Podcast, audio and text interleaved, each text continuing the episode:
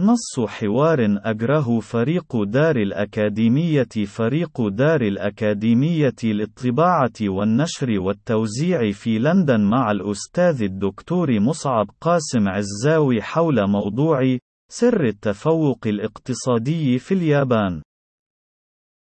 فريق دار الأكاديمية ما هو برأيك سبب التفوق الاقتصادي لليابان في مرحلة ما بعد الحرب العالمية الثانية؟ مصعب قاسم عزاوي قامت الولايات المتحدة عقب احتلالها لليابان في مرحلة ما بعد الحرب العالمية الثانية بإعادة تشكيل البنيان الدستوري والاقتصادي لليابان بحيث يصبح جزءا تابعا للمنظومة الاقتصادية التي تسيطر عليها شركات المجمع الصناعي العسكري في الولايات المتحدة.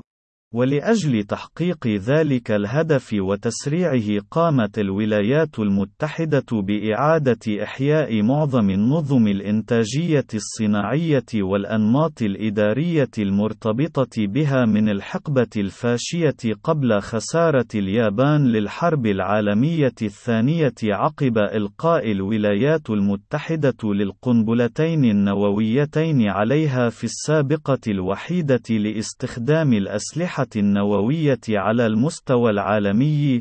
وتمثل هذا الإحياء الذي قامت به الولايات المتحدة في اليابان بشكل عياني مشخص في تكوين وزارة التجارة الدولية والصناعة في العام 1949 والتي أنيط بها ضبط إيقاع الإنتاج في المجتمع الياباني بشكل لا يختلف عن ذلك المستخدم إبان الحقبة الفاشية قبل خسارتها للحرب من خلال إعادة تشكيل الاقتصاد إنتاجيا عبر تكوين شركات خاصة ضخمة تنطوي على العديد من الشركات الأصغر التابعة لها، والتي تتبع سياسة الشركات الأم، والتي تتبع بدورها تعليمات وتوجهات الوزارة السالفة الذكر في كل صغيرة وكبيرة، في نموذج اقتصادي مبرمج على الطريقة الفاشية لرأسمالية عملية الدولة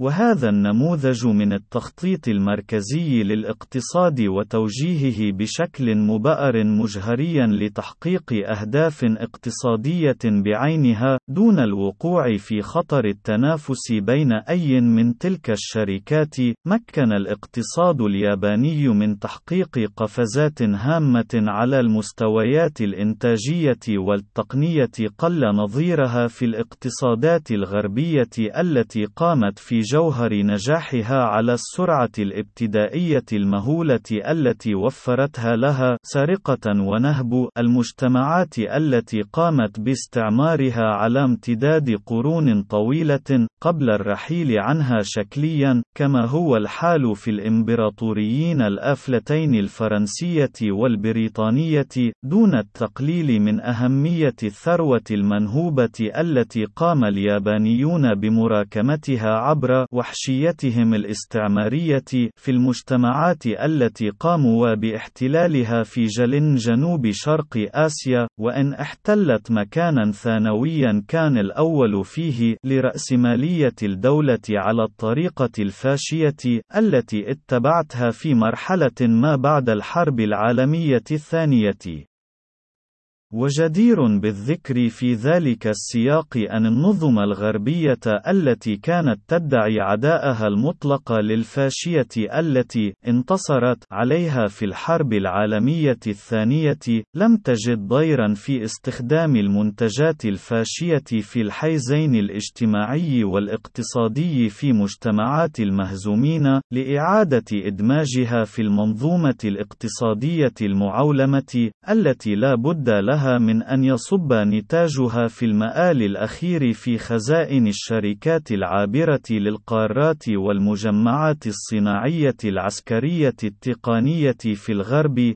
وهو ما كان في الحالة اليابانية عبر التزام اليابان غير المعلن بالاستثمار في سندات حكومات المنتصرين في الحرب العالمية الثانية، كما هو جلي في الحصة الفائقة لليابان في سندات الخزينة الأمريكية، والشركات الأمريكية والغربية الأخرى المحلية منها والعابرة للقارات التي تمثل استطالات على شكل رأس الميدوزا الأسطوري من اقتصادات أولئك المنتصرين في الحرب العالمية الثانية واقتصاد السوق الوحشي المعولم الذي يسهرون بقوة الترهيب بالحديد واللهيب النووي وحلف شمال الأطلسي على استدامة مفاعيله وتوازنه الأشوهي